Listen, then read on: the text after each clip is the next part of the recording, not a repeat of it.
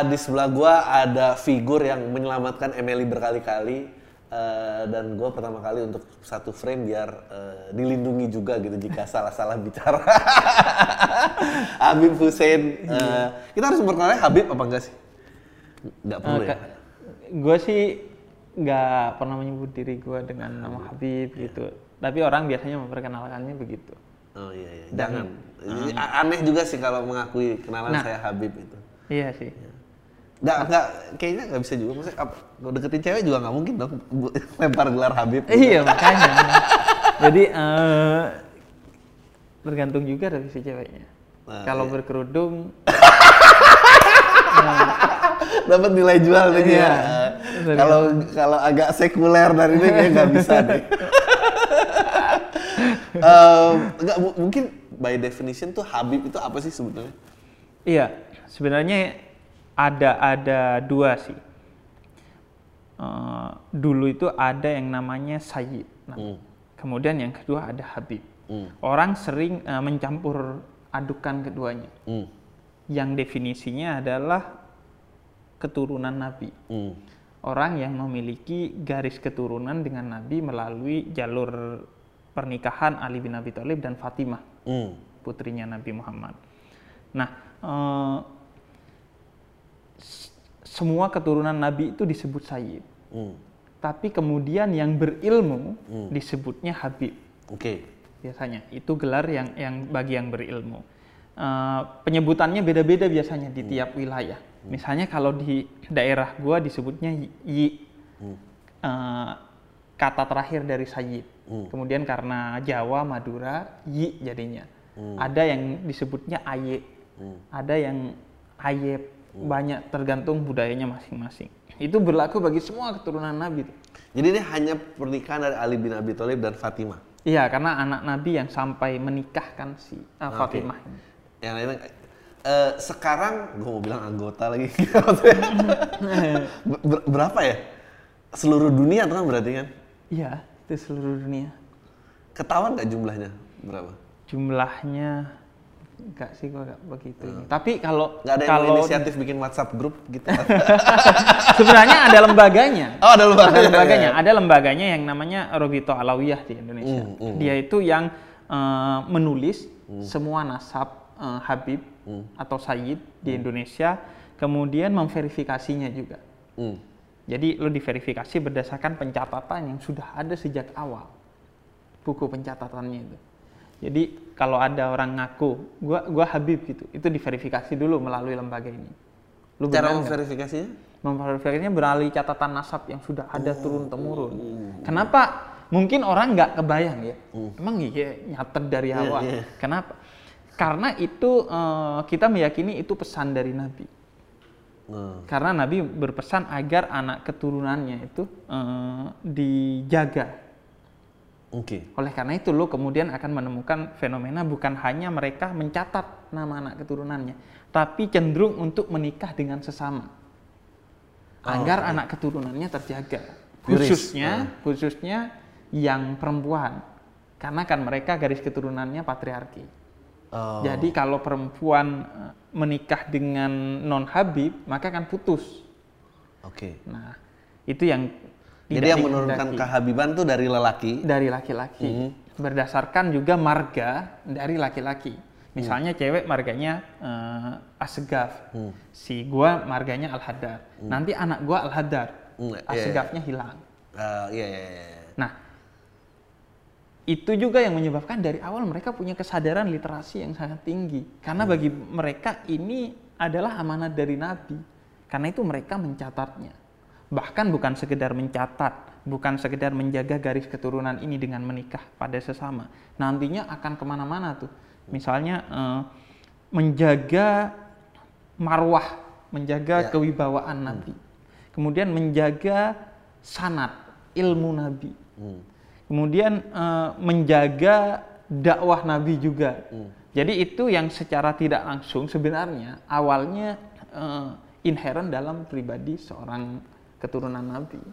Eh, tapi maksudnya ini kan kita berbicara eh, Nabi Muhammad tuh kalau di tahun Masehi berapa ya meninggalnya?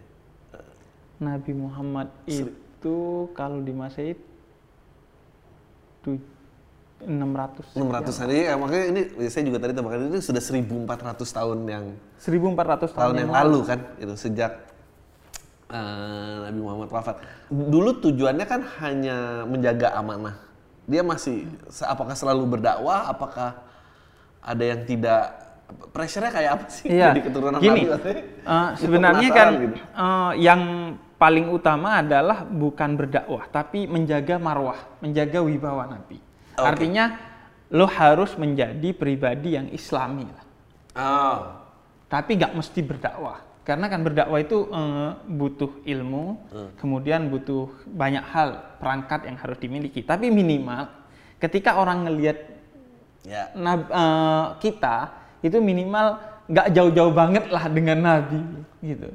Kalau jauh banget itu kayak eh, ya ya ya kayak bukan bukan itu yang seharusnya kita lakukan. Makanya misalnya pressure-nya bukan pressure sih, tanggung jawabnya sih tinggi sekali. Kalau kalau gua merujuk ke diri gua dan eh, komunitas gua di kampung di Jawa Timur waktu kecil.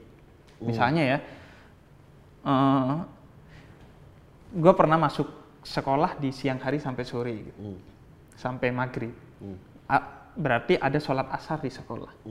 Orang lain nggak sholat biasa aja gitu Oh. tapi kalau Habib nggak sholat bukan hanya dapat hu- hukuman dari sekolah tapi lo dapat pressure dari teman-teman dari guru. Gila Habib nggak nggak sholat gitu. Atau hal kecil aja eh, pacaran. Iya. nggak Hmm, mungkin gua pacaran. Pressure-nya tinggi sekali gitu. Hmm. Yang mau dipacarin juga pressure-nya tinggi sekali gitu Ah, gila gua masa pacaran sama Habib gitu Oh, wow. artinya gua dari kecil ini ini gua bicara diri gua sendiri iya. ya dan eh, komunitas gua itu mendapatkan eh, hal itu gitu tanggung jawab itu Hmm. sehingga ya mau nggak mau ya harus eh, menjaga sikapnya lah Hmm. menjaga sikapnya khususnya biasanya khususnya ketika lu keluar dari komunitas kalau di dalam komunitas masih lo enjoy karena semua Habib gitu nggak ada privilege kan nggak ada ya. privilege tapi ketika lu keluar artinya lo membawa nama ini keluar Oke. sehingga nama ini lo harus jaga makanya gua mendapatkan itu ketika gua mulai sekolah negeri Hmm. gua TK SD itu nggak di negeri di sekolah yang dibuat memang oleh komunitas Habib dan Oh, ya? 90% Oh, wow. iya Hmm. 90% Habib di dalamnya Itu saudara semua lah ya. itu iya saudara semua saudara jauh. Dan nggak enaknya karena gue nggak dapat privilege di sana. Iya, iya, iya, gue juga Habib gue juga Habib semua juga Habib gitu. Ya ampun lucu nah ketika keluar gue SMP gue keluar SMP gue di negeri itu mulai gue merasa wah Beda ya dunia dengan beda ini. gitu. dan salah satu tanggung jawabnya lo harus punya nilai agama 9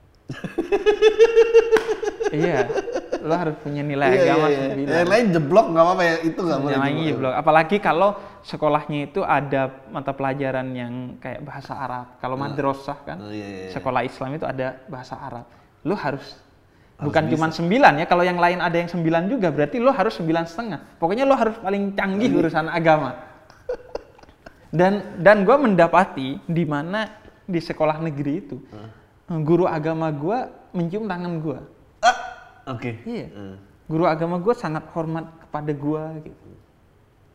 Jadi ya atau guru non agama yang ngerti tradisi ini itu sangat menghormati gitu. Pak- Pak, pernah ngobrol dengan misalnya eh, keturunan darah biru apa gitu dengan maksudnya environment yang serupa nggak sih? Nggak ada kayaknya yang miripnya. Kayak Mungkin di Jawa apa ya. juga nggak ada ya. Di di Jawa di keluarga kerajaan itu. Tapi kan nggak se nggak tahu gua seterjaga ini nggak ininya apa eh, ikatannya. Kalau ini kan ikatannya kuat banget sampai pencatatannya jelas banget lo harus mempertanggungjawabkan gitu. Mbak, boleh diceritain nggak kayak bentuk omelan orang tua gitu jika lo keluar jalur gitu? Iya. Keturunan jadi nggak boleh iya, gini gitu? Iya. Oh. Sering gua gua gua dapetin itu. Jangan, apa? Gila, gila. Jangan malu-maluin Habib gitu. Hmm. Jangan malu-maluin Habib. Kemudian eh, ya itu intinya menjaga marwah. Hmm. Kalau menjaga eh, ilmu sih masih level selanjutnya, tapi yang paling mendasar itu menjaga marwah. Iya, iya. Marwah itu eh, wibawa itu utamanya kalau di kita akhlak. Ya. Karena Nabi itu utamanya akhlak bagi kita. Sehingga lu boleh eh, nggak begitu pinter agama, tapi lu harus menjadi pribadi yang penuh senyum, rendah hati, hormat kepada orang lain dan lain sebagainya. Tapi apakah itu sesuatu yang gampang gitu dan naluriah?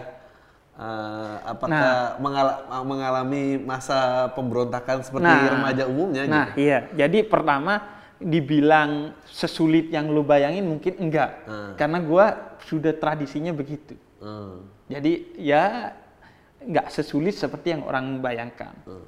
Tapi juga nggak semudah yang gua sendiri bayangkan waktu kecil. Karena ketika gua mulai SMP, mulai puber, mulai m- mengalami kenapa gua gini ya? Curiosity-nya ya. Iya. Eh, kenapa kalau gua ngelakuin hal salah dikit kayaknya dosanya gede banget gitu. Karena masyarakat eh, sangat memperhatikan kita gitu, punya ekspektasi yang sangat tinggi dalam hal agama. Jadi ada sih Hmm. pertanyaan-pertanyaan itu. Itu biasanya puncaknya di masa-masa puber. Kalau menurut gue ya, SMA, Hmm. eh, kuliah gitu. Iya, iya, iya. Ah, ka- ah, ya akhirnya itu jadi apa ya? Jadi masa pertarungan dalam diri kita akhirnya. Jadi pertarungan. Gu- Lu mulai nerima gitu kayak oh, emang udah gini nasibnya itu kamu. Eh, kalau gua, gua gak bisa cerita banyak tentang itu karena keme- kebetulan gua kan pes- pesantren. Hmm. SMA gua udah di pesantren. Jadi gua gak begitu mengalami gejolak itu. Hmm. Cuman ya eh, mungkin gejolak tertinggi gua tentang ini ketika kuliah.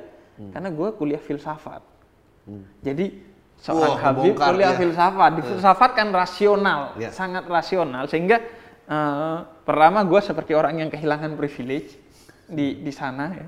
Gua hanya ditolong oleh beberapa teman gua yang orang Madura. Sefilsafat filsafatnya orang Madura itu sangat hormat pada Habib pasti. Tapi yang lain enggak gitu artinya. Kemudian eh, yang kedua gue ditantang untuk keluar dari eh, paradigma keberagamaan yang gue dapat di pesantren dan sejak kecil. Gue harus kemudian membuat agama ini didekati secara rasional. Di satu sisi gue gak bisa melepas, gak mungkin gue, yaudah deh gue gak mengurusin agama, gak mungkin. Tapi di sisi lain gue punya tuntunan ini gue harus juga rasional gitu di filsafat. Makanya itu itu jadi bagi gue itu masa-masa terpenting gue pertaruhan itu. Tapi gue secara umum nggak pernah menemukan kesulitan karena memang gue eh, lahir dari tradisi itu, dibesarkan dalam tradisi itu. Bahkan hmm, ini cerita raport gue Hmm. ketika SD kelas 1 itu kan raport, kemudian kan diisi eh, biografi kita di awal nama, alamat, kemudian kan ada cita-cita. Itu semua yang ngisi orang tua gue. Kemudian cita-cita gue ditulis menjadi ulama. Hmm. Orang tua gue menulis menjadi ulama.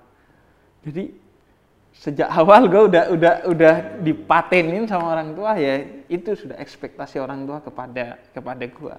Cum- Cuman kebetulan orang tua gue agak eh, ya agak enjoy orangnya sehingga misalnya gue boleh kuliah filsafat. Itu bagi gue privilege Habib eh, boleh keluar kuliah filsafat. Apalagi di UIN Jakarta. Hmm.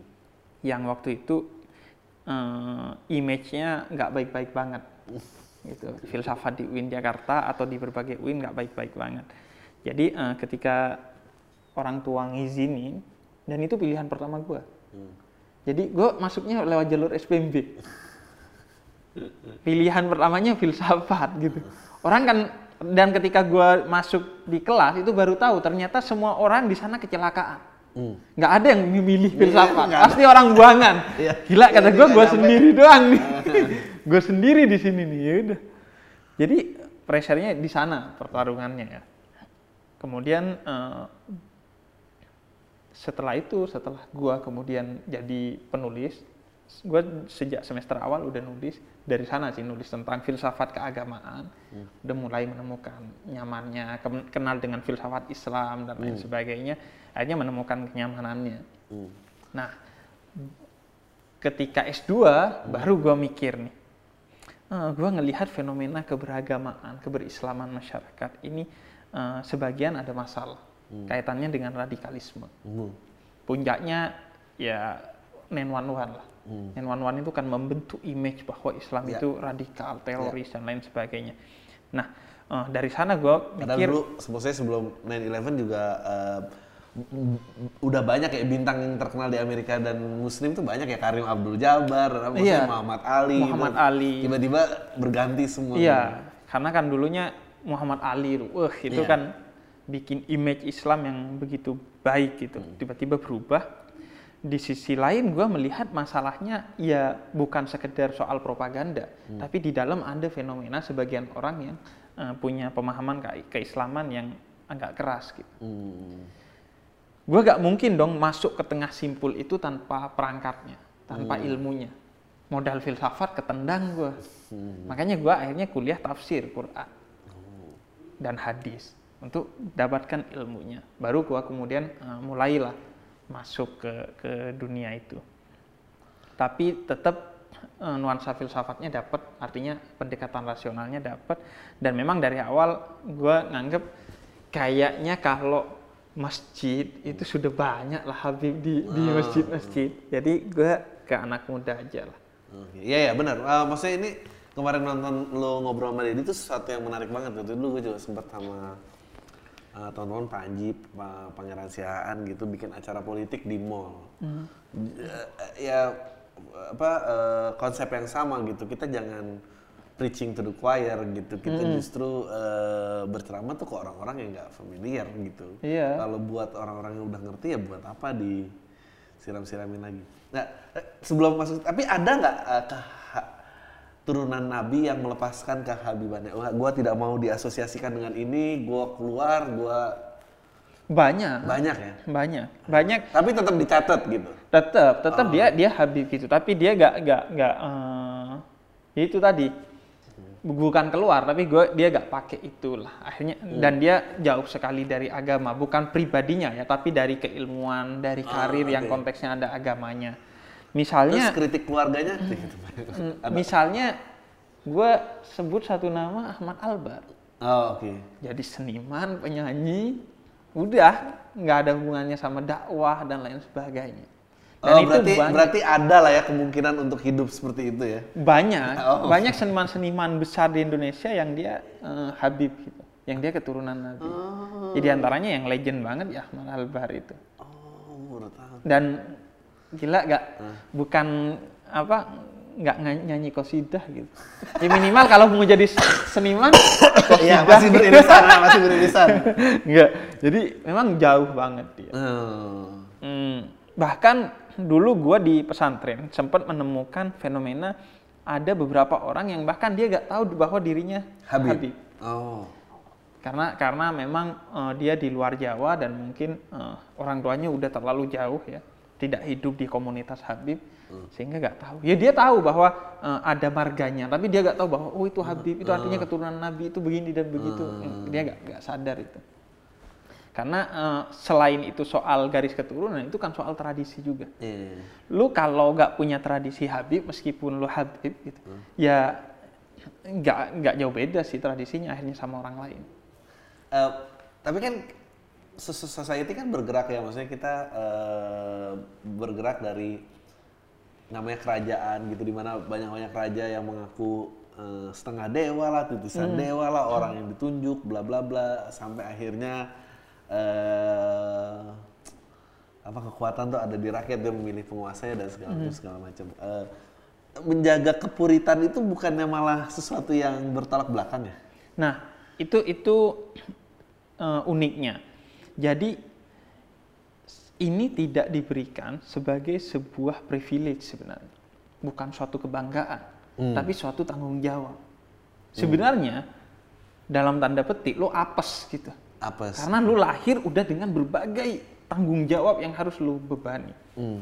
Kalaupun orang kemudian menga- menggunakan ini sebagai eh, kebanggaan, ya tetap dia harus juga punya basic agama gitu. Minimal pakaian seperti tokoh agama dan lain sebagainya. Ruang geraknya juga akan sempit kalau lu pakai ini sebagai kebanggaan. Nggak mungkin akhirnya lo akan ketemu eh, di mana ya di tempat-tempat yang sangat tidak Islam itu nggak mungkin akhirnya. Meskipun lo pakai ini sebagai privilege. Apalagi kalau lo eh, bawa ini sebagai suatu tanggung jawab. Itu itu yang pertama. Kemudian yang kedua eh, karena penghormatan itu datang dari orang lain kepada kita. Maka kita juga bukan malah meninggikan diri. Justru kalau kita baca sejarahnya kita justru merangkul mereka. Karena itu misalnya ya eh, Habib itu sangat menghormati non Habib jadi bukan malah meninggi-tinggikan dirinya. Hmm. Eh, jadi misalnya orang Indonesia asli Hmm. yang bukan keturunan eh, Arab atau bukan keturunan Chinese Hmm. itu mereka sebutnya ahwal. Hmm. Ahwal itu artinya eh, jamak plural dari hal. Hal itu paman. Hmm. Karena orang Habib-Habib itu ketika dari Yaman ke Indonesia untuk berdagang dan penyebaran Islam di Indonesia di Nusantara waktu itu itu gak bawa bini, gak bawa istri. Hmm. Makanya dia memperistri orang Indonesia. Kenapa? Pertama karena agar lebih soft secara kebudayaan untuk Hmm. masuk ke masyarakat Indonesia dan berdakwah. Akhirnya semua orang Indonesia eh, akhirnya dia memiliki paman yang orang Indonesia asli kan Iya, karena iya. menikah dengan Iya. cewek Indonesia. Nah, akhirnya semua orang Indonesia dipanggil paman sebagai Oh. bentuk penghormatan. Lu menghormati gua dengan memanggil Habib, gue juga menghormati lu sebagai paman gua. Hmm. Atau eh, orang Arab yang non Habib. Hmm. Ada orang Arab yang non Habib kan banyak. Kita menyebutnya mereka masyayikh. Jamak dari syekh. Syekh itu guru. Karena orang Arab non Habib itu banyak yang dulunya menjadi guru-guru Habib. Sekarang semua mau guru mau enggak kita panggil Panggil guru. guru, Oh. mereka. Karena sejak awal Habib itu memang akar katanya adalah mencintai dan dicintai. Makanya lo kalau punya cewek kalau bahasa Arab meskipun bukan Habib dipanggilnya Habib Habib Habibati Hmm. atau cowoknya dipanggil Habibi. Itu karena intinya harus mencintai dan dicintai Hmm. seorang Habib itu. Makanya ketika dia dicintai orang lain dia balas dengan mencintai, dengan menyebut guru meskipun bukan guru gitu, dengan menyebut paman meskipun bukan paman gitu. Jadi eh, relasinya akhirnya egaliter, Oh. nggak ada relasi, wah gua Habib gitu eh, dihormati. Bahkan yang ada misalnya ini pengalaman gua, kita akhirnya yang nggak enak gitu. Oh. Orang menghormati kita, kita enggak, nggak usah, nggak usah. Lu Kayak banyak waktu SMP dicium tangannya sama Iya. seragam. Lu- Itu. Nah, itu misalnya kalau di YouTube tuh ada Habib Ali Jufri, seorang Habib muda yang pintar itu dihormati oleh Syekh Ramadanul Buti, seorang ulama tua senior yang pintar banget gurunya. Itu dihormati. Dia jadi gak enak gitu. Di videonya banyak sekali itu di, di YouTube. Jadi kita akhirnya justru jadi gak enak gitu. Iya. Apalagi- ap- kecuali kayak kalau memang sejak awal mentalnya adalah mem- mental menganggap sebagai ini wah kebanggaan dan lain sebagainya dalam dalam berbagai tradisi ya misalnya di masyarakat atau orang kaya gitu menganggap wah Iya. kita sih gak pernah besar dalam tradisi yang begitu nggak pernah jadi eh, makanya menurut gua ini eh, lebih bertahan lama kuat di masyarakat dan memang kalau lo lihat sejarahnya memang eh, sejarahnya pembauran Hmm. domestifikasi itu justru yang kita lawan Iya, iya, iya. jadi misalnya kampung Arab Iya. itu hampir di semua kota di seluruh Indonesia itu biasanya ada kampung Arab Iya. ada juga pecinan kampung Iya. Cina itu kampung Arab sebenarnya sejarahnya adalah bikinan Belanda Iya. untuk mengurangi pengaruh keturunan Arab keturunan Nabi kepada masyarakat pribumi karena biasanya mereka kemudian eh, menggelorakan semangat kemerdekaan anti kolonialisme Pada ribut mau merdeka, biar nggak Iya. pinter-pinter banget gitu. iya biar gak pinter-pinter banget karena bayangin 350 tahun dijajah. Hmm. mereka nggak bisa membedakan. Dijajah itu emang jelek ya kan? Iya, nggak iya. tahu. kita datang dari luar udah tahu dunia luar. Wah ini salah nih nggak Iya, bener iya, nih. nah itu yang membuat mereka kemudian eh, Yang ngompor-ngomporin. ngompor-ngompori Nah, oke. Terus sekarang eh, dengan kerendahan hati tidak mau mengambil privilege, em, mulai angkat bicara kenapa? Misalnya lu, lu sendiri gitu. Iya. Gua ngelihatnya gini, eh, yang masuk ke generasi milenial, Hmm. seorang Habib dengan gaya yang milenial itu selain gue siapa ya mas? Iya. Mungkin repot sih nyarinya. Jadi gue ngelihat generasi milenial ini butuh eh, sentuhan Hmm. Yang pendekatannya juga harus eh, rasional, asik gitu. Hmm. Makanya gue ngelihat ya udah gue masuk ke sana gitu dengan gaya yang seperti ini. Mungkin resikonya kehilangan privilege dalam pengertian Oh, iya, oh, iya. dihormati ya. Gila generasi milenial ini kan mana tahu dia Habib Habib Beli, ya. malah dia gua yang suruh jelasin mulu gua nih Habib terus eh, gua keturunan Nabi misalnya kalau ditanya serius bro Nabi ada keturunannya malah iya, akhirnya iya, iya, iya. mengedukasi gue gitu edukasi ya pasti Iya. banyak ini. Eh, gua, gua tadi pengen ngomong apa ya? Oh, pas lu belajar filsafat gitu, eh pasti banyak banget dong yang bertentangan dengan agama gitu. Mm-mm.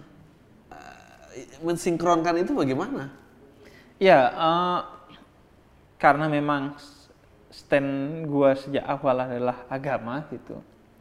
Dan kebetulan orang tua gua memang seorang yang rasional gitu. Sejak awal mengajak beragama dengan agak rasional. Sering ngobrol, diskusi sejak kecil. Maka yang gua lakukan ya selalu eh, berprasangka baik kepada agama. Sehingga gua selalu mencari eh, titik temu selalu mendekati agama secara rasional, selalu mencari eh, hazanah-hazanah, referensi-referensi dan pendapat-pendapat yang lebih rasional. Karena kan satu satu hal itu ragam sekali. Misalnya eh, tafsir Quran itu ada yang pendekatannya bahasa, pendekatannya ini dan itu di antaranya ada pendekatannya yang rasional. Itu itu itu kita tinggal memilih sih. Oh, Kemudian sedikit juga kita eh, merenungkannya, mencari formulanya seperti apa. Dan dengan kesadaran bahwa pada akhirnya memang nggak semua hal dalam agama dapat dirasionalisasikan. Ah ya betul. Ada ada sedikit tempat untuk ketaatan murni. Ya. Tapi eh, bukan berarti pure faith gitu ya, Iya, maksudnya. pure faith tapi bukan berarti tidak bisa dilihat gejala-gejala rasionalnya. Oh. Mel- Meskipun dia pure faith tapi harus gejala-gejala rasionalnya harus ada. Ada. Karena kalau enggak ini bisa jadi mitos nih agama. Hmm. Kalau pure dilepaskan dari rasionalita.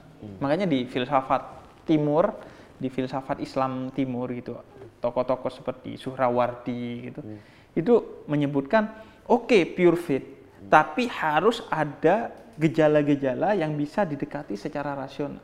Makanya gue selalu kelihatan banget itu. Misalnya sholat, sholat itu pure faith Ya. lu nggak ada ya orang iseng-iseng aja iya. menganggap oh tapi ada aspek olahraganya loh Iya. gini itu iseng-iseng aja bagi gua sih Eh, pendekatan dakwah untuk generasi semacam Deddy Corbuzier lah yang suka eh, apa olahraga dan lain- sebagainya. Ternyata gerakannya bagus untuk menghilangkan rematik apa Iya, gitu. itu itu itu pendekatan aja sih.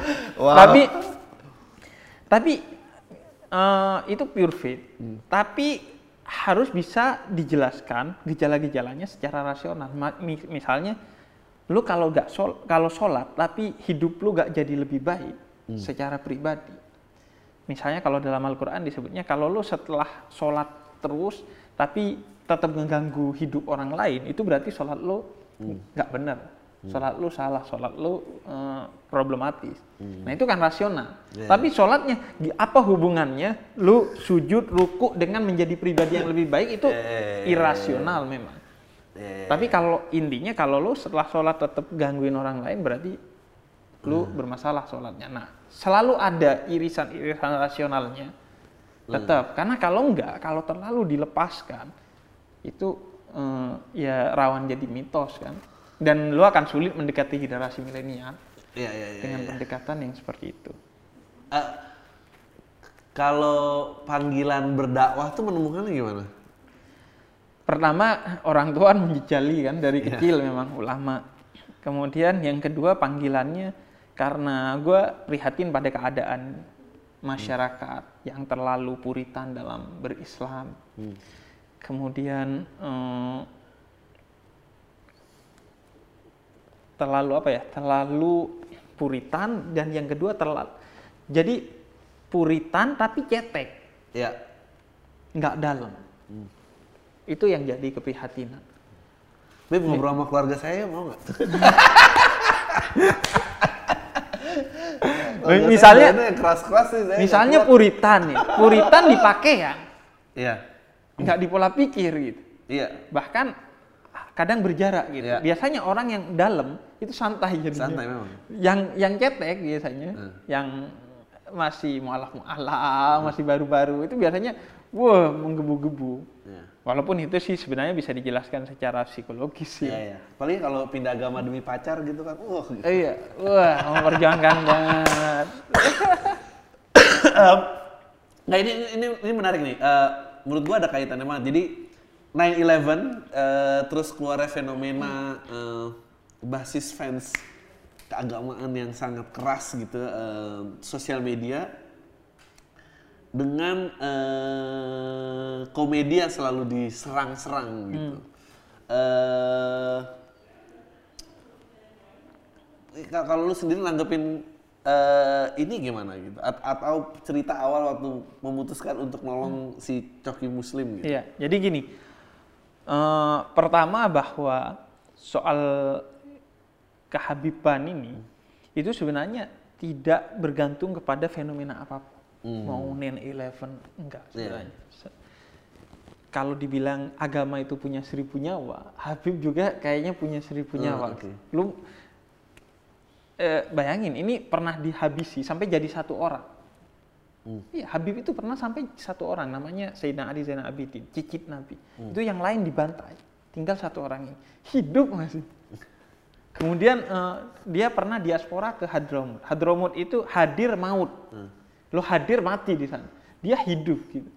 Jadi eh, dia selalu punya kemampuan gitu untuk untuk bertahan di tengah terpaan. Misalnya sekarang itu kondisinya kurang sekuler apa sih? ya gitu tapi Habib bertahan punya ceruk tersendiri bahkan majalah Tempo pernah punya satu laporan khusus yang judulnya eh, Habib perkotaan Hmm. Semakin kota Jakarta yang udah maksiatnya full bandrolnya dilepas ada satu komunitas pengajian dipimpin Habib ngadain pengajian malam minggu. Ya. Yang datang puluhan ribu gitu. itu menunjukkan mereka selalu punya eh, tapi itu kan kemampuan. juga act of balance-nya.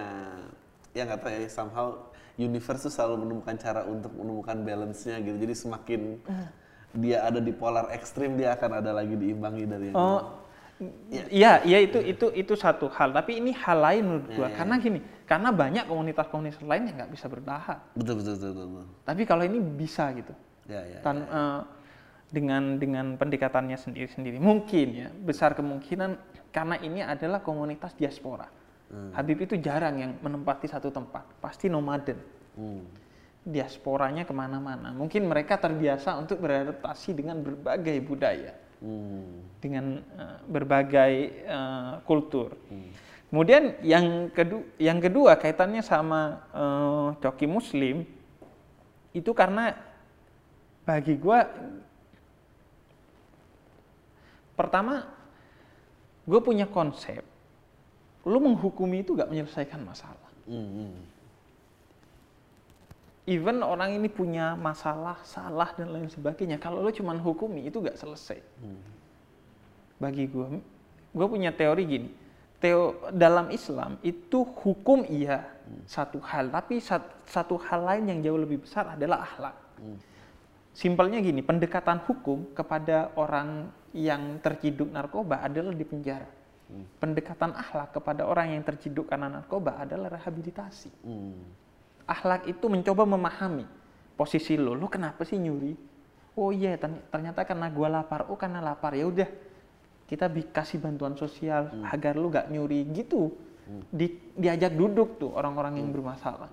Tapi kalau cuman hukum aja, gua pesimis menyelesaikan masalah. Ya sekarang tesis ini kuat sekali gitu. Apa berapa ribu orang dilepas dari penjara balik lagi pada balik lagi melakukan kejahatan. Bagi gua tentu ini tanpa bermaksud menyebut eh, coki muslim dulu Hmm. itu eh, apa eh, seperti itu gitu. Tapi gue coba ketemu kan, ketemu coki muslim, ngobrol dan lain sebagainya. Akhirnya ya udah, eh, akhirnya ya udah gimana menyelesaikan masalah ini? Bukan kita kita nggak mikir untuk eh, pendekatan hukumnya, ya udah menyelesaikannya. Akhirnya eh, jadilah konten di mana Coki Muslim mendukung gua pertama secara platform. Gua pertama ketemu Coki Muslim berapa platform gua? 20 ribu paling, nggak nyampe. Atau bahkan 5 ribu ya. Eh, ketemu Coki Muslim langsung gila naik gitu ya. Ah, Gua mau menunjukkan bahwa bukan cuma gua membantu Coki Muslim, tapi Coki Muslim juga bantu gua. gitu. Itu dari segi Meskipun platform. pertanyaannya makin nggak beres-beres ya. Iya, meskipun. tapi challenge gue itu sih. Mereka kan mewakili pemuda tersesat. Iya iya iya iya. iya. Kemudian yang kedua, eh, lucu, komedi itu membantu gue banget. Gue kan lebih santai berdakwah itu sekarang kan karena karena bantuan dari Coki Muslim secara tidak langsung. Memberi unsur komedi dalam DNA gue. Ya, Jadi akan lahir generasi Habib Habib yang bisa komedi nanti gitu. Karena unsur DNA-nya udah tercemar oleh Coki Muslim gitu. Jadi itu bantuan yang gua terima. Di sisi lain, Coki Muslim juga akhirnya gua buktikan, gua di awal ketemu Coki Muslim dan bikin video, gua bilang bisa kok dakwah melalui komedi. Dan gua buktikan, sekarang bareng MLI punya acara Deep Talk, Hmm, hmm, hmm. dakwah keliling Indonesia dengan pendekatan komedi. Iya. Itu Artinya gua gak pertama gua gak basa-basi. Hmm. Ketika gua dulu ketemu Coki Muslim, bukan sekedar bikin konten. Oh ternyata Iya. janda ada lo dalam Islam. Enggak, gua gak basa-basi. Gua buktikan bahwa bisa berdakwah dengan janda. Yang kedua, gua juga gak sekedar ketemu sama Muslim, kemudian eh, menyelamatkan dia Hmm. dan Coki. Oh ternyata ini enggak kok dia sudah eh, oke dan lain sebagainya. Enggak, ya? Iya. Tanya, gue terus sampai sekarang dampingi. Mungkin ini udah tahun kedua Hmm, iya, gue iya. terus mendampingi eh, Coki Muslim. Walaupun ya kalau orang nanya, tapi kenapa Cokinya gitu-gitu juga gitu? ya gue bukan urusan gue. Iya, enggak, enggak. Orang tuanya aja nyerah kok kenapa jadi urusan lu. Eh, tapi kalau lu menyikapi fenomena kenapa eh, ya zaman kan mestinya makin modern ya gitu. Pengertian semakin bertambah. Kenapa fanatisme terhadap sesuatu yang keras dan saklek tuh malah jadi tumbuh ya? Gue selalu bilang sosial media tuh yang bikin rese adalah eh, yang bego sekarang ketemu temennya soalnya. Mm. Ya Kalau pertama, di sekolah kan yang bego suruh duduk sama yang pinter dia nggak tahu tuh kalau ya makanya dalam Islam lu suruh berkumpul dengan orang baik gitu, orang soleh gitu. Eh, apa, Jadi main sama tukang ikan bau ikan main Iya. ya kan Nah, algoritma kita nggak soleh kan sekarang. Algoritma medsos kita. Gue pernah uh, ikut pelatihan media sosial di Twitter tahun 2019. uh, kata yang paling populer, yang paling banyak digunakan oleh netizen di Indonesia itu ternyata um, galau.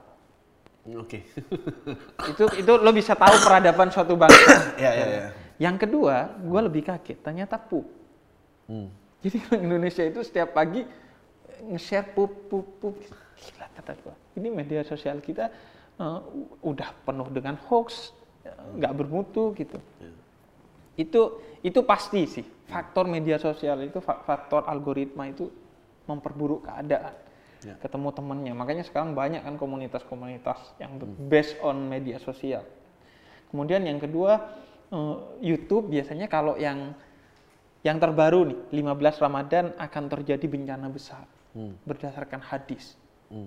Wah, akan terjadi sesuatu yang ini titik akhir menuju kiamat. Yang nonton satu juta, ya ya benar benar benar. padahal hadisnya palsu. Hmm. Gue bikin konten 5 ribu, 10 ribu yang nonton. Ini orang, ini orang apa maunya gitu. Nah, Ya, ya, ya, ya. itu.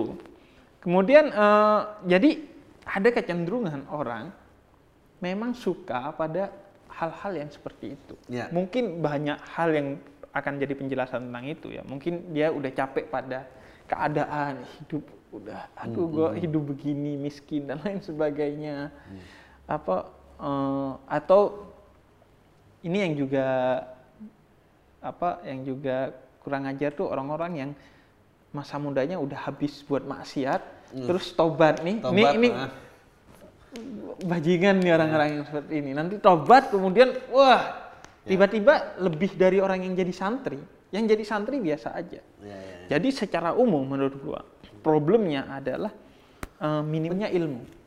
Oh, kalau lu berangkat dari santri jarang yang radikal Ya. jarang kalau santri Ya, saya juga nggak setuju waktu itu, tapi ngomong kayak gini bakal diskak banyak orang sih. Maksudnya penceramah yang punya background narkoba gitu ya, lebih diidolakan daripada yang baik-baik saja gitu. Hmm? Nah, eh, Maksudnya gimana sih nih ceritanya? Iya, seperti gua bilang, eh, musisi yang hijrah Nah, itu seharusnya bukan jadi penceramah. Sekarang kan jadi penceramah, musisi Iya. hijrah jadi penceramah. Dia gak expert di bidang ceramah, Iya, dia baru bukan nyemplung. santri, baru kok baru ngerti agama. Kalaupun dia mau ceramah ya cerita tentang tentang pengalamannya dia. Dia harusnya main band, bikin lagu-lagu syariah. Iya betul, menggunakan keahliannya di situ Iya. ya. Nah begitu juga yang eh, narkoba gitu. Kayak pendeta Yeri gitu kan. Dia Iya. kan mantan. Ya. Ketika sekarang jadi pendeta, memberikan eh, melakukan pendekatan kepada orang-orang yang juga masih berada di dunia Ya. dia yang masa lalu itu. Maksudnya itu masih dalam ruang keahliannya gitu ya. Ruang keahliannya dan dia justru eh, menganggap gue dulu kat, pendeta Yeri cerita gak diterima di beberapa gereja. Akhirnya dia sekarang buka gereja untuk menerima orang-orang seperti dia di masa lalu. Artinya nyambung eh, Ada korelasinya. ada korelasinya tapi kalau enggak nggak nyambung akhirnya orang tanda tanya gitu ngapain lo apa karena nggak laku udah jadi pemain band gitu? Apa udah ini? Eh iya, nah fenomena orang hijrah tuh yang tiba-tiba dulu maksudnya terus taubat tuh sekarang tuh di mana-mana dan menurut gua eh paling nggak di ruang lingkup keluarganya gitu. Eh, gue selalu ngeliat orang yang punya eh, twist mendadak itu yang udah kebayang matinya kapan sama dia keluarga baru. Hmm. Fenomenanya kan selalu itu. Jadi eh, generasi kira-kira 60 ke atas gitu eh, ah, udah gua udah kelar sama duniawi gua mau ini terus melakukan supresi dia paling nggak dalam ruang keluarganya lah kecil Iya. gitu untuk jadi seperti itu atau eh, fenomena keluarga baru yang eh, kebingungan gitu jadi eh, punya anak eh, langsung bercermin aduh saya ini penuh dosa nggak mungkin sesuatu yang suci ini saya ikutin Iya. saya langsung cerak berubah Iya. semua rar, gitu Eh, ya makanya eh, semua kan gara-gara itu maksudnya Trump jadi presiden Brexit Brexit Semua, semua, semua. ba- balik ke puritannya kan bahwa ya udah gua kenalnya agama di mana Manila nggak tahu Jakarta Indonesia tuh iya apa enggak gitu Iya. Eh, itu nyikapinnya gimana ya maksudnya ka- kalau gue sih ngerasanya eh, eh, misalnya bandingin aja gitu hidup di periode SBY sama periode Jokowi itu mundur loh rasanya ini peperangan yang mungkin dimenangkan sama Iya, iya sih. Eh, padahal Jokowi kan katanya simbol ngeklaimnya ah, simbol ah, ah. toleransi dan lain sebagainya. nggak ada Itu- itu, sih ah, ruang market aja untuk voting sih Iya, makanya. makanya, eh, gua ngelihatnya gini, pendekatannya mungkin ya yang salah. Sekarang kan makin jadi labeling. Intoleransi dulu itu adalah, eh, ah, toleransi itu dulu adalah labeling. Wow, lo di labeling eh, apa sekuler Hmm. dan lain sebagainya. Sekarang sebaliknya, yang intoleran jadi di labeling juga sama orang-orang yang toleran. Hmm. Dan itu nggak bisa dilepaskan dari fenomena kepemimpinan. Hmm. Misalnya, sinisnya orang melihat cadar sekarang. Hmm. Eh, sinisnya orang melihat misalnya komunitas hijrah gitu. Gua nggak mau bilang itu nggak ada masalah gitu. Iya, tapi yang masalah ini orang yang tidak melihat itu dengan masalahnya, tapi cuman modal sinis doang. ya betul Cadar, ya ya, ya. eh, apa eh, celana Cingkrang, ya. jenggot itu dilihat secara sinis. Akhirnya makin jauh mereka. Betul. Polarisasinya makin jadi. Betul. Dan polarisasi ini jadi garapan semua hal. Jadi garapan politik, Hmm. jadi garapan ekonomi. Hmm. garapan ekonomi gila serius banget itu. Eh, banyak cerita orang nggak nggak jadi beli di sana. Oh ternyata yang jual eh, kelompok ini, kelompok itu. Kan itu jadi segmen. Betul, betul, betul. betul. Misalnya eh, kom- komunitas hijrah itu jadi jadi komunitas eh, di dalamnya yang ada berbagai hal bukan cuma soal agama gitu. Begitu Jadi, juga komunitas dua arah tuh masalahnya dua arah ya. yang sama. dari sisi yang istilahnya konservatif merasa bahwa ini eh, liberal dan liberal, aduh emang dasar orang ketinggalan zaman semua jadi gitu ya. Nah, ya, menurut gua sama dengan kalau gua melihat dulu masalah coki muslim dengan kacamata polarisasi ya nggak akan ketemu kita. Oke. Begitu juga coki muslim kalau melihat ah percuma nih Habib nih pasti eh, Ya. kolot dan lain sebagainya nggak akan ketemu. Jadi bagi gua butuh jembatan di antara kedua kelompok ini. Dan jembatan itu pasti bukan jembatan fisik seperti dari katedral dan ke Istiqlal sih. Tapi jembatan pikiran gitu. Karena itu menurut gua kalau hmm, kita mengacu kepada filsafat gitu, misalnya Madhab Frankfurt di Jerman, itu menurut Habermas butuh public space, public space, Ber- ber- butuh ruang publik, ruang publik di mana orang kemudian saling bertemu, saling bicara, dan runtuh semua stigma.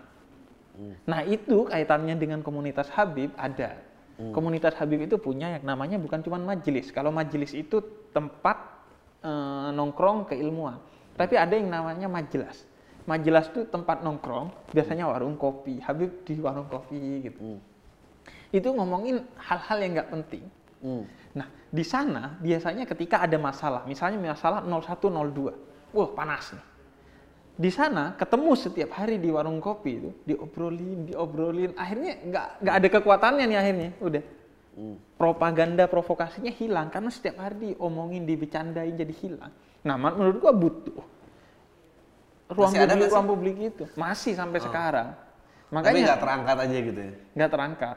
Jadi itu biasanya eh, tempat ngopi atau di rumah-rumah, di halaman rumah, dan biasanya malam. Karena kalau komunitas Arab itu rata-rata mi- minimal yang gua ini kan, karena dia kan dagang, kerjanya dagang. Jadi dia paginya nggak harus jam 8 kan. Makanya santai sampai malam biasanya. Dia ngobrol, ngopi, segala hal itu jadi jadi jadi cair akhirnya. Nah, kita itu kekurangan itu menurutku.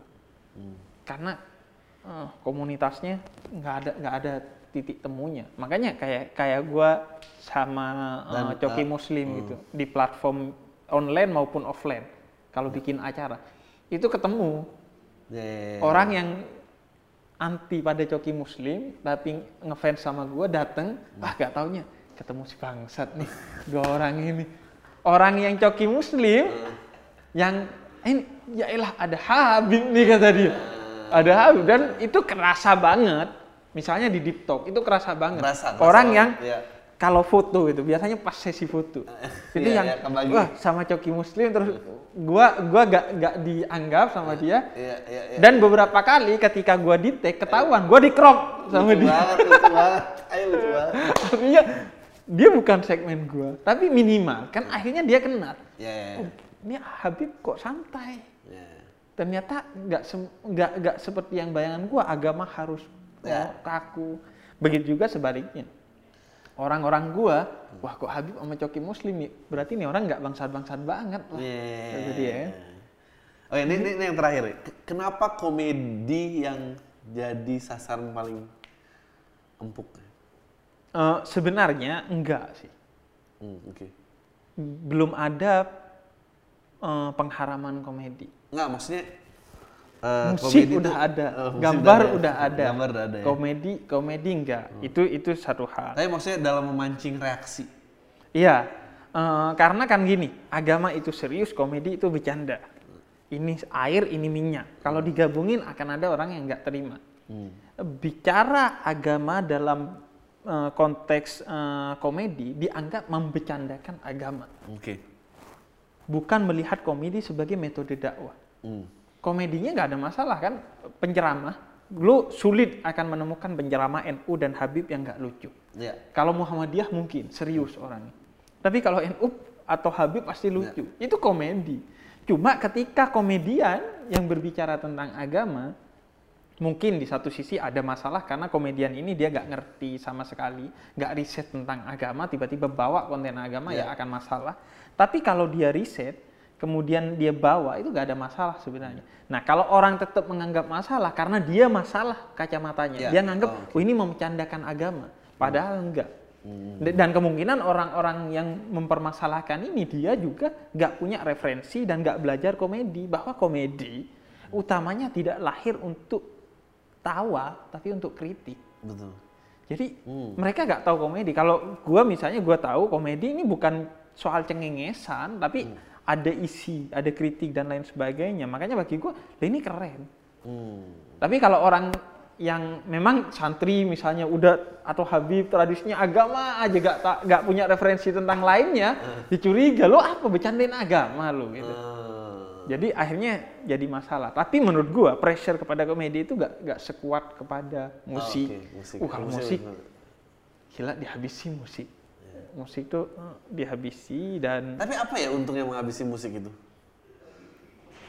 Jadi karena mungkin dianggap ini ya musik itu dianggap eh, punya powerful kekuatan besar untuk kemudian membuat orang jauh dari agama gitu kan misalnya bagi mereka ya Hmm. kalau komedi stand up komedi apa sih Hmm. komunitasnya berapa sih Ya, Nggak ini.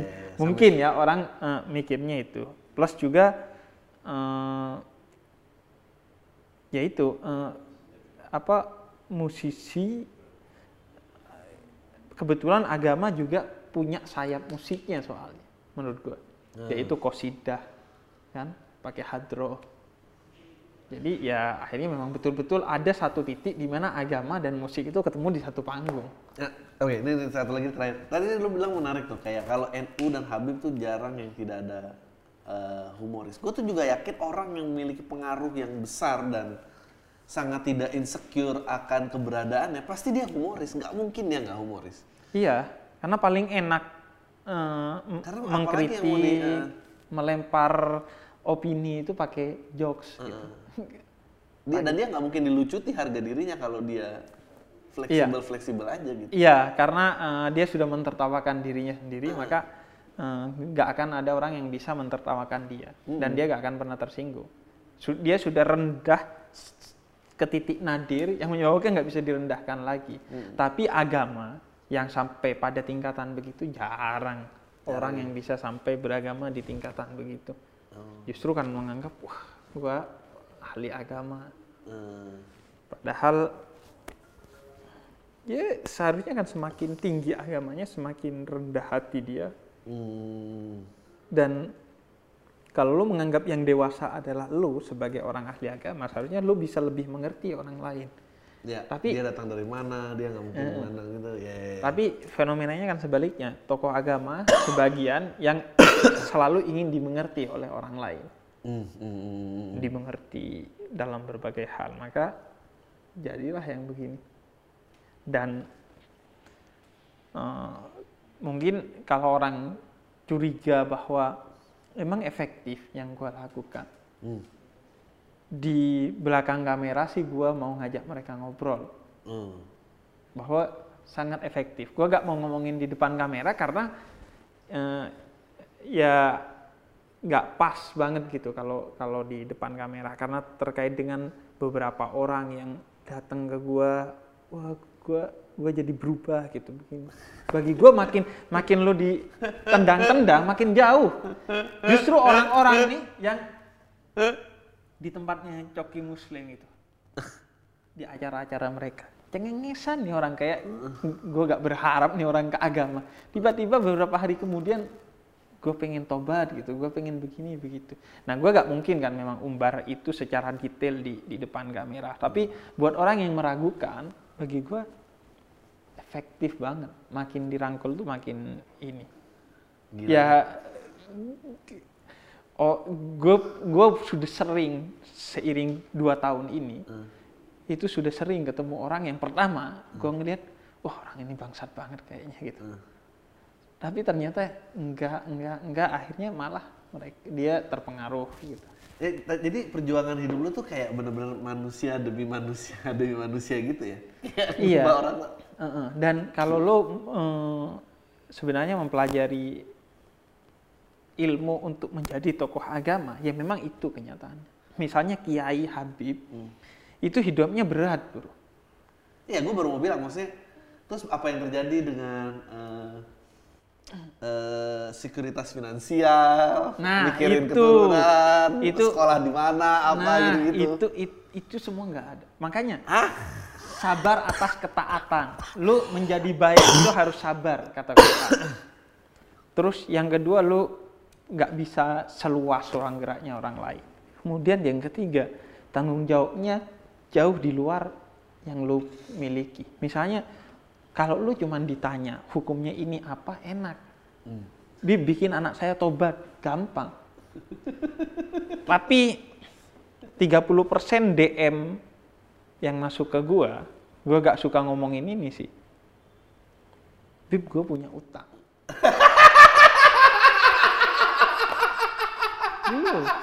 Dan dan itu dan Kiai Habib Kampung, mengapa mereka bagi gua pantas diganjar surga? Karena ngurusin urusan begini, gua tahu persis dunia mereka.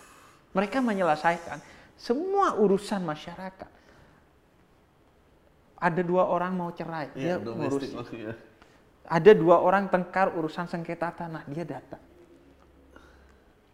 Ada semua masalah masyarakat. sunyi banget ya. Iya, orang bahkan mungkin mereka cuma nggak terekspos saja gitu. Atau yang kedua, mereka bahkan mengurusi hal-hal yang mungkin kalau terekspos jadi kayak masalah banget gitu. Hmm. Ngurusi eh, dalam tanda petik orang yang terjebak dalam pelacuran gitu. Iya.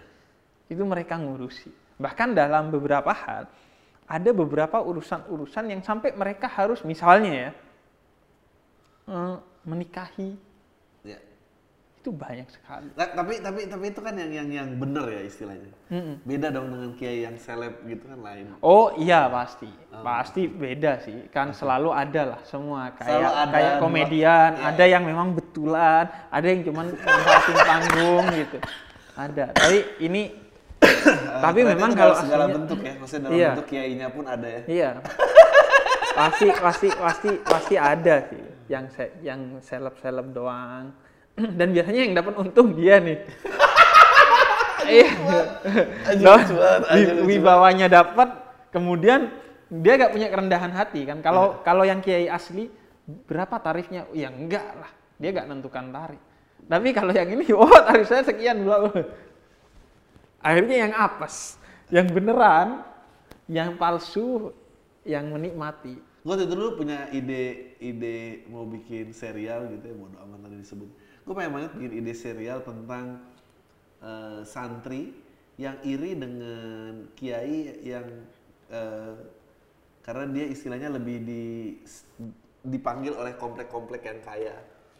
Udah gitu karena dia pernah narkoba. Jadi santri ini yang tadinya eh, puris gitu, dia bersih Iya. selalu. Gua nggak pernah dipanggil sama komplek kaya itu. Gua dipanggil yang susah ini. Kesel gua sama orang itu. Oh iya. Nah, perdebatannya dia tuh gimana? Iya.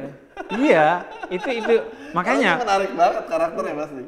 karena emang itu realnya fenomenanya gitu. Ada Kalau yang gitu dipa- dibayar pakai biar lebih terkenal gitu. lah itu makanya eh, pikiran itu kalau dalam tasawuf dalam Eh. ilmu Islam yang spiritual itu pikiran yang bahaya banget gitu misalnya kenapa? Enak banget ya si si siapa gitu. Seumur hidup bangsat. Tiba-tiba tobat gitu jebret belok gitu. Nah itu pikiran yang bahaya gitu Eh, jadi eh, pikiran-pikiran pragmatis gitu itu yang kalau dalam aga- agama dalam spiritualitas agama itu yang harus di, dikikis. Anjing Karena- banyak tuh. karena kenapa? Karena kenapa? Eh, dia itu belok karena memang ternyata di masa lalunya itu dia penuh dengan gejolak sebenarnya, nggak sesantai yang lu bayangin gitu. Iya iya betul betul. sebenarnya, cuma nggak kelihatan aja. Kayak dalam tanda petik misalnya seorang pelacur, ya se- seolah-olah lu ng- nganggep wah enak banget ya. betul. Iya iya. Padahal Lu nggak tahu nggak, rasanya. lu nggak tahu dalamnya aja sih. Ah yang menarik banget kayaknya sambung lagi nih kawan-kawan. Eh, thank you banget. Kita ntar ngobrol-ngobrol lagi.